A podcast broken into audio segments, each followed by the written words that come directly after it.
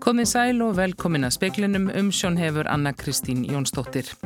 Guðmundur Felix Gretarsson er farin að geta hreift upp handleggina sem grættir voru á hann fyrir rúmur í viku og var það fyrsta sinn sem slíkt var gert. Guðmundur segir að draugaverkir sem hann var með fyrir ágreyslu hafi aukist. Réttarhöld yfir Donald Trump fyrirverandi bandarækjaforsta hefjast í öldungadeild bandarækjathings eftir helgi. Trump er sakðar um að hafa kvart stuðningsmenn sína til að ráðast á þinghúsið í Washington. Hafaransóknarstofnun hefur lagt til rúmlega 54.000 tonna loðnu kvota. Í kostningum frá hrjunni hefur orðið mikil endur nýjan og þingi en prófessor í stjórnmálafræði á ekki endilega vona því að svo verði í haust. Hann telur líkur á 7-9 flokkar eigimenn á þingi eftir kostningar líkt og nú. Guðmundur Felix Gretarsson sem fekk græta á sig handleggi og axlir fyrir rúmri viku er farin að geta hreift upp handleggina dálítið. Hann segir að draugaverkir sem hann hafi haft allt frá því að misti báða handleggi vinnuslýsi fyrir rúmlega 20 árum hafi magnast eftir ágræsluna. Guðmundur svaraði spurningum fréttamanna í dag. Það er þrjú ár þannig að við vitum í rauninni árangurinn að þessar aðgerð. Það er að tögðanum er að vaksa millimetr á dag Þannig að ég get búist við að vera komið með eitthvað tilfinningu og jafnveg hreyfi getur um, á olboga eftir ár ef allt gengur eftir. Og tvö ár fyrir tögða þar að vaksa svona út í fingur. Og þá alltaf eru það fingur sem ekki hreyfst í, í, í tvö ár. Og þannig að það er svona þrjú ár þá vitum við hvort það gekk upp eða ekki sko. En eh, maður er búin að býða svona lengi. Að það er þrjú ár það er ekki neitt þetta er bara og loksins hef ég eitthvað að gera.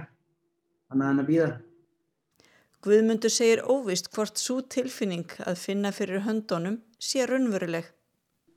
Það sem hef, að gerist er að, að maður missir og það er maður að kalla straugaverkir eða, eða tilfinning þannig ég hef aðrið náttúrulega geta fundið fyrir höttunum á mér. En það hefur magnast rosalega.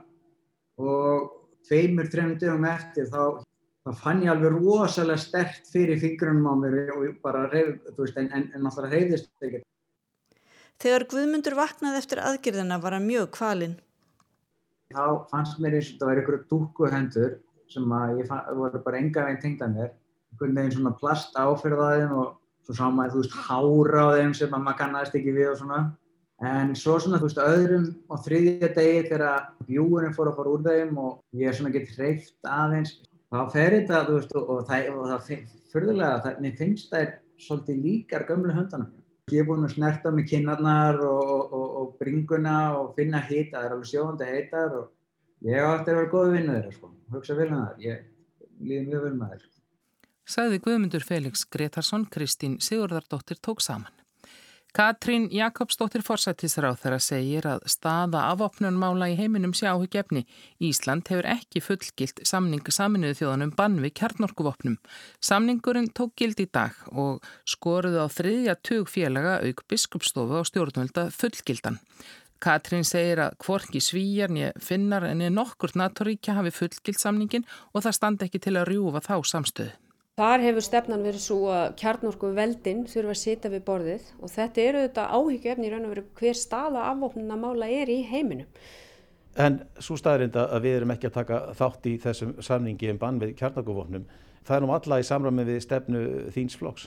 Nei, nei, en það erum við ekki hlind aðild okkar að allarsasbandalæginu og við erum eini stjórnmálaflokkurinn á Íslandi sem hefur þá stefna við um að standa utan hernaðabandalaga Í þessari ríkistjórn hefur við eins verið ákveðið að standa með vilja meirulhuta alþengis eins og hann er staðfistur í samþyktir í þjóðarörygistefnu þar sem aðildina allarsafsbandalægin er eitt af megin atriðum og innan þess bandalags hefur þessi afstæða verið tekinn.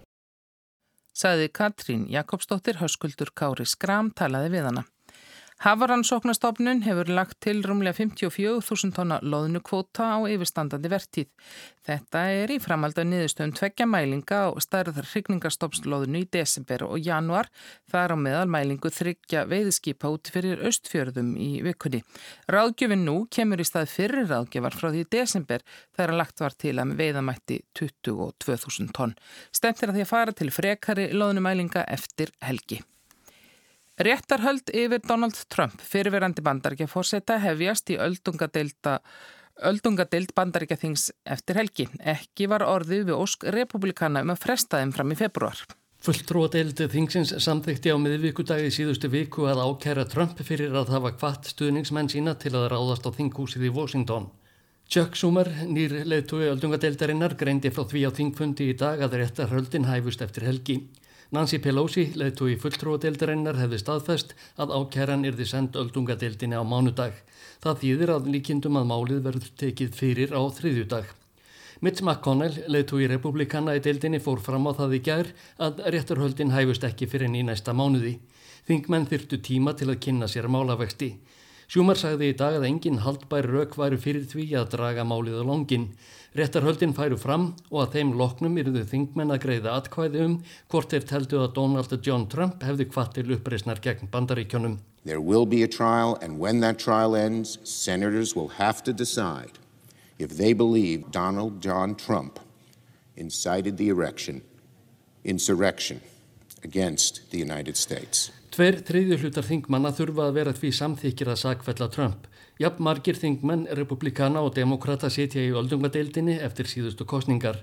Þetta týðir að 17 republikanar þurfa að stiði ákæruna til að fórsetin fyrverandi verði sakveldur.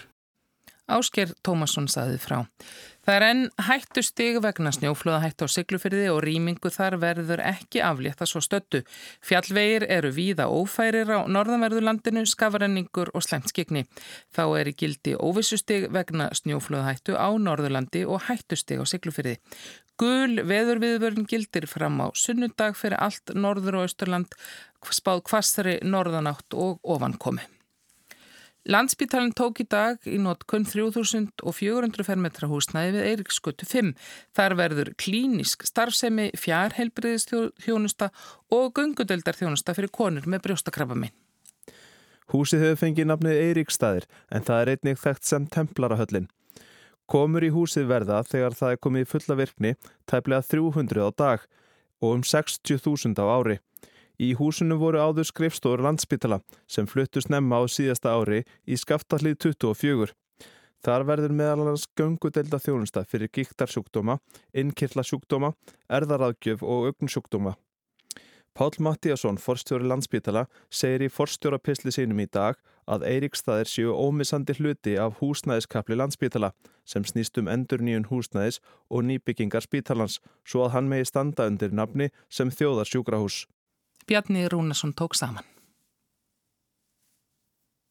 Það er andvöku bjart, heiminn kvöld sólar skar. Borgar Magnason tónlistamaður var spenntur fyrir streymistónleikum sem hann sá auglista á dögunum. Á lögatskvöldi uh, sá ég bara á, á samfélagsmiðlum á Facebook af hérna Múkisson með hljómsveitar með tónleika í Hafnafjörði og það týðir streymt live og ég spurði þér hvort mér langaði að fara á tónleikana og, hérna, og þeir voru ókipis og ég segi já og svo mæ, mætti ég og eigði svolítið tíma í að, að hérna, reyna að finna svo hvað þetta streymi er. Þá til ég fyrir að, að, að spurjast fyrir og þá reynist þetta að hafa verið bara eitthvað sund. Þetta er bara eitthvað ruggl áréttaði Örn Elias Guðmundsson, Múkisson sjálfur, síðar á Facebook síðu sinni. Ég hef búin að heyra þessu á konars pappa, henni, henni Dóru að hún, hún ætlaði að horfa tónleika með mér. Ég, ég vennu að viðkynna ég, ég, ég hugsaði fyrst er ég kannski búin að lofa mér á eitthvað streymi og er, er að gleima því? Þannig ég ætlaði nú bara svona, ég tekkaði ekki strax á þessu fyrir en svo bara eftir kvöldmata og myndi þetta aftur og þá sá ég að þetta var einhverju D. Múkisson hérna, tónlistamæður sem var að mynda mér og ætlaði að vera með streymi. Þannig að það var sérstakt The Múkisson ásamt hljómsveit ákveðinni greinirinn þegar stakk svolítið í stúf þarna.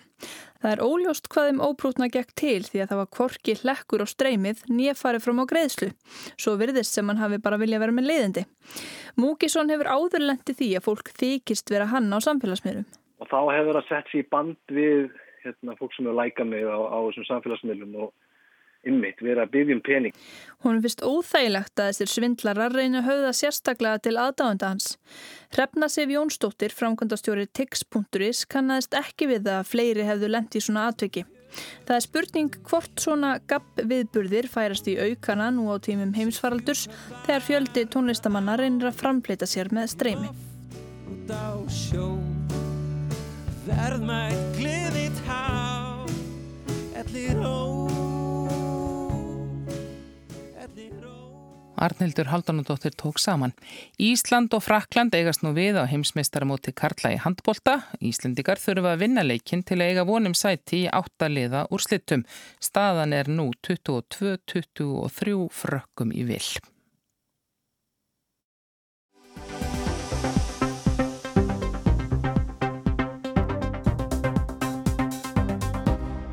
Þessa dagana hugsa sinn gang þeir sem sækjast eftir að komast á frambóðslista þegar kosið verður til alþingis í haust. Hjá ymsum flokkum er verið að kalla eftir þáttökundum í prófkjör, forval eða tilnefningar til uppstildingarnemda og menn svara því kalli með tilkynningum sem detta inn hjá fjölmiðlum og félugunum. Annar staðar eru menn líkt komnir af stað, horfa til vorsins og hvort og hvenar kófinu linnir. Það er líka svo að mismunandi háttur getur verið hjá flokkunum eftir kjördæmu. Ólafur Þóttn Við Háskóla Íslands segir að eftir mikil umskipti á þingi í síðustu kostningum gæti þórið minni í september. Kanski rétt að hafa í huga að eftir hrun þá hefur verið með enduníun í þinginu. Strax 2009 varð enduníunum meiri heldur en nokkuð tíman áður og þetta endur tóks í kostningunum 2013 og aftur í kostningunum 2016 og meiri sé í kostningunum 2017 sem voru bara ári eftir kostningarnar á undan að þá var 30% endunín í þinginu sem að hefði nú þótt bara eðlilega endunín í freka mikil endunín hér, hér, hér áður fyrir og núna er það þannig að það eru bara nýju þingmenn sem núna setja sem voru á þingi fyrir hrun. Og af 63 þingmannum þá eru það 32 meirulutin sem voru kostnir fyrst 2016 eða 2017. Þannig að í ljósi þessa byggist maður nú kannski ekki endilega við því að það yrði mjög mikil endunjun. En endunjun getur í rauninu nátt sér stað á þrjá vegum. Í fyrsta lagi þá geta menn ákveðið að hætta og mér séu nú sínst að það séu ekki margir sem ætla að gera það núna svona sjálfvílugur. Í öðru lagi þá uh, geta menn tapa sætum í, í prófkjörum eða í uppstillingu, það er að segja á, í, í vali á frambóðslistana og í þriðalagi geta menn svo fallið í kostningunum og eftir hrun hafa verið miklu meiri sveplur í kostningaúrslitum, meir, flokkar hafa verið að tapa meir og vinna meira heldur en áður, þannig að það hafa í rauninni sko þá líka fleiri þingmenn fallið í, í kostningum og við getum náttúrulega búist við því og það er kannski sáþáttur sem að, sem að er líklegastu til þess að stuðla mest að endurinn í næstu kostningum eru einfallega að við getum gert ráð fyrir tölverðum sveplum í kostningunum þannig að tölverður fjöldi þingmanna muni falla í, í, í, í haust. Nú eiga átta flokkar menn á þingi og allir ætla þeir að bjóða fram í haust. Með að við síðustu skoðanakannanir er líka sósjálistaflokkurinn næriði að koma inn manni og það er útlitt fyrir að myndin verði jafn markbrotinn eftir kostningarnar. Já, þetta er ein megin breytingin sem hefur orðið eftir hrun á íslenska flokkakerfinu. Eh, við vorum náttúrulega með fjóra flokka lengi eftir 1970 þá vorum við oftast með eitt flokk í viðbót, stundum fimm flokka sem séu stundum sex en svo hefur þeim fjölgað í 7 og 8 núna síðustu hárin og mér sínist allt benda til þess að eftir næstu kostningar verði 7 til 9 flokkar á þinginu og þetta er sennilega komið til að vera þessi fjöldi flokkana enda hefur svipuð þróun orði hér á til að mynda hínum Norðurlöndunum. Ólafur segir að aukin fjöldi flokka hafi ekki leitt til óstöðuleika annar staðar á Norðurlöndum og þurfi því ekki endilega að gera það hér. Það sé bara nokkuð sem enn verði að læra. Prófkjör voru áratugum saman frá þeim 1970 megin reglan þegar komaði að velja fólk til frambóðs. Hins vegar hefur mér sínst að setni árin sé aft sé oftar hins vegar farið í það að vera með uppstillingu og auðvitað er það þannig að bæði prófkjörinn og uppstillingarnar hafa ákveðna kosti og það er bara mattsatriði hvað mann vilja gera og, og þetta er í rauninni á valdi kjördamanna. Prófkjörun stundum talaði um að þau íti undir ágreining eða menn þurfu vegist á en þurfu svo að standa saman eða að þeim loknum. Já, já, það er, það, það, en, en það er nú líka átökt og það séu uppstillinganemdir og hafa alltaf verið, það er, það er auðvitað bræður eða sístur berjast og það hefur nú oft verið sagt að einu, einu, einu raunverulega óvinir þingmannsins í pólitík séu flokksískinans því að það séu þau sem að séu líklegust til þess að geta haft á honum þingsæti. Þar að segja hann komist ekki í gott sæti á listanum frekar heldur en að listin tapir svo miklu að viðkomandi falli í kostningunum. Mörg mál hafa orðið útundan vegna glímunar við pláuna, segir Ólafur. Augljóst að þingstörfin markast af því að kosi verður í haust menn svona svolítið gráðugir í að marka sér skerstöðu og láta heyra í sér og, og, og þessar myndu göttunum.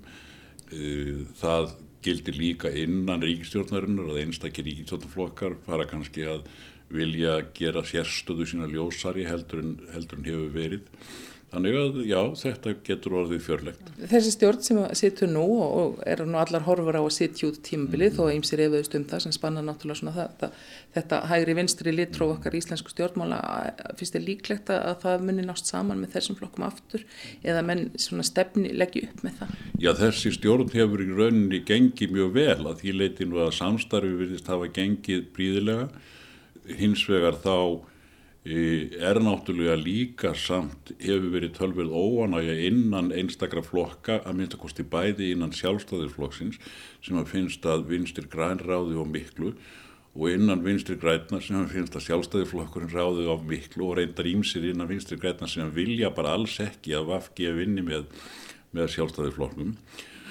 Varðandi framhaldi þá eru þau viti ekki útilokað að núverandi stjórn haldi áfram eftir kostningar ef hún fær til þess meiri hluta en það eru afar litla líkur á því með að við kannanir undanfarið að hún nái meiri hluta í næstu kostningum og mér finnst satt að segja kannski líklegra heldur en hitt að í næstu ríkistjórn verði sjálfstæðiflokkur og vinstir græn ekki saman heldur en að þau, þau verði áfram saman en, en auðvitað veit enginn hvernig kaupin gerast á eirinni.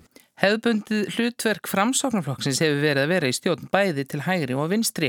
Ólafur telur líklegt stjórnarministur gæti verið eins og flokkana fjögura sem er í meiri hlutta í Reykjavík. Vinstri græn samfélking, píratar og viðreist en það væri alveg mögulegt að framsókn kæmi þar eitthvað inn annarkoð sem 50 flokkur eða í staðin fyrir einhvern af þessum fjórum það fyrir náttúrulega meðalans eftir kostningaúrslitunum en mér finnst alveg augljóst að undanfarið hafa ímsir talsmenn að minnstakosti í samfélkingunni verið að tala hlýlega til framsóknarflokksins Katrín Jakobsdóttir fórsættisráþara hefur lagt einn fram til öðrum breytingar á stjórnarskrá.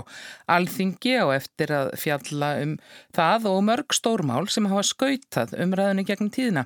Ólafur segir að áhugart verði að fylgjast með framgangi stjórnarskrármálsins en afar brínt að breyta kostningalögum.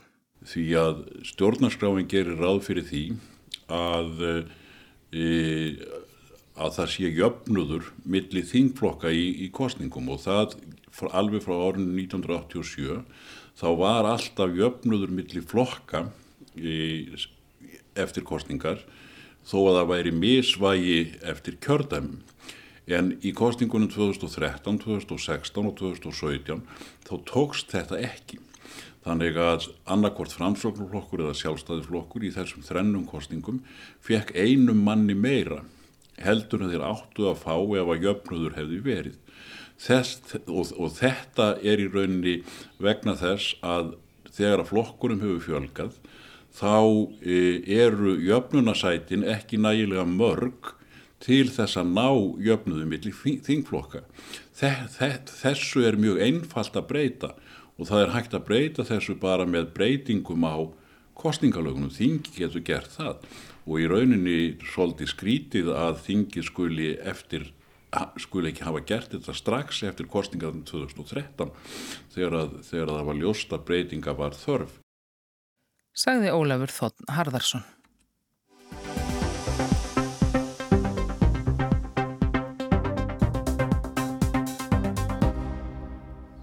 Stjórn Alþjóðsambast Íslands fordæmir ákvörðunu flugfélagsins Bláflugs að segja upp 11 flugmönum félagsins í miðri kjaradeilum. Það sé brot á lögum og jáfnframt að ráða aðra flugminn í staðin á lægri kjörum. Kjaradeilan er hjá ríkisáttarsemjara og hafa flugmenn bóðað ótímabundi verkvall frá 1. februar. Ákvarðum félagsins að segja upp þessum 11 flugmönnum að þér verðist í þeim tilgangi að læka launakostnaðin er umdeild. Félag íslenskra flugmanna mótmælti þessu harlega eftir að flugmönnunum var sagt upp í loka ásins. Fleiri félag hafa mótmælt uppsöknunum. Flugfélagi Bláfugli hefur starfaði hér frá því um aldamótin. Í fyrra egnaðist Erlend félags með aðsetur á Kýpru Bláfugl. Kjarasamningur var endunýjað við flugmenni til skamstíma í vor í skugga COVID. Hann var til þryggja mánuða og því hófust kjara við öðra á nýjan leiki höst. Hins vegar var flugmannum sagt upp eftir að haldnir hafði verið fimm samningafundir. Í tilkynningu frá félaginu að Bláfugli kom fram að nöðsilegt væri að segja upp þessum 11 flugmannum í hagraðingaskynni. Flugmenni 11 eiga það sameilegt að þykja laun sangvand kjærasamningi félags íslenskra flugmanna. Í tilkynningunni kom fram að þeir væru lang launahæstu stafsmenni félagsins. Eftir uppsagnar erðu stafsmenni Bláfugls 29 talsins og sjálfstætt starfandi flugmenn 40. Félag íslenskra flugmanna segir að sjálfstætt starfandi flugmenn sé annað orð yfir gerfi vertakan. Klárlega séum að ræða félagsleg undirbóð, gerfi verktaka og félagsleg undirbóð séu bein ógn við flugöryggi. Deilan er á borði ríkisáttarsemjara. Einn óformlegur sáttafundur hefur verið haldinn. Deilan er einungist til flugmanna sem starfa samkvæmt kjærasamningi félags íslenskra flugmanna. Það eru þessir ellu sem að sagt hefur verið upp og félagi hefur nú bóða verkvall sem á að hefjast hjá þessum ellu flugmönnum Á minnætti 1. februar hafi samningar ekki nást fyrir þann tíma. Miðstjórn aðeins í fjallaðu málir og mótmælir uppsögnunum harlega og þar segir Alþýðu samband Íslands fordæmir enn eina tilraunina til félagsleira undirbóða í flugregstri hér á landi. Nú er það bláfugl með fulltingi SA sem hefur sagt upp flugmönnum í miðri kjaradeilu með hótunum að leita annara leiða til að lækka launakostnað. Með slíkri framgöngu er vegið að grundvallaréttindum stjættarafélaga og þar með öllu launafólki á Íslandi tilvitnu líkur. Miðstjórninni bendir á að það sé ólöglegt að hafa áhrif á vinnudeilur með uppsögnum eða hótunum sangvænt fjörðugreina laga um stjættarfélag og vinnudeilur. Þá sé það líka ólöglegt að nýta sér þjónustu starfsmannalega sem ekki eru skráðar hér á landi. Skráðara starfsmannalegur verða að fara eftir kjærasenningum hér á landi og ASI skorur á vinnumálastofnun að nota allar þær heimildir sem að hún hefur til þess að tryggja að ekki séu stunduð félagsleg undirbóð og lögbrot á íslenskum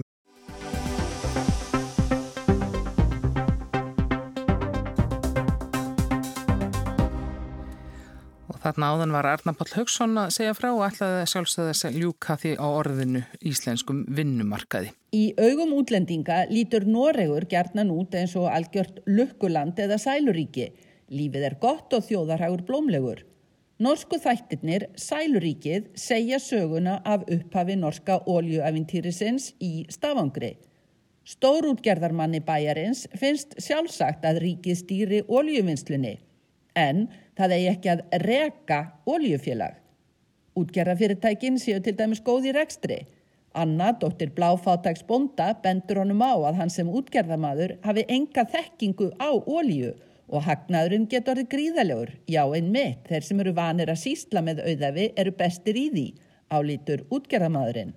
Mener du helt oppriktig at fordi du er rett mann på rett sted til rett tid, så skal dine etterkommere bli blant verdens rikeste i flere generasjoner?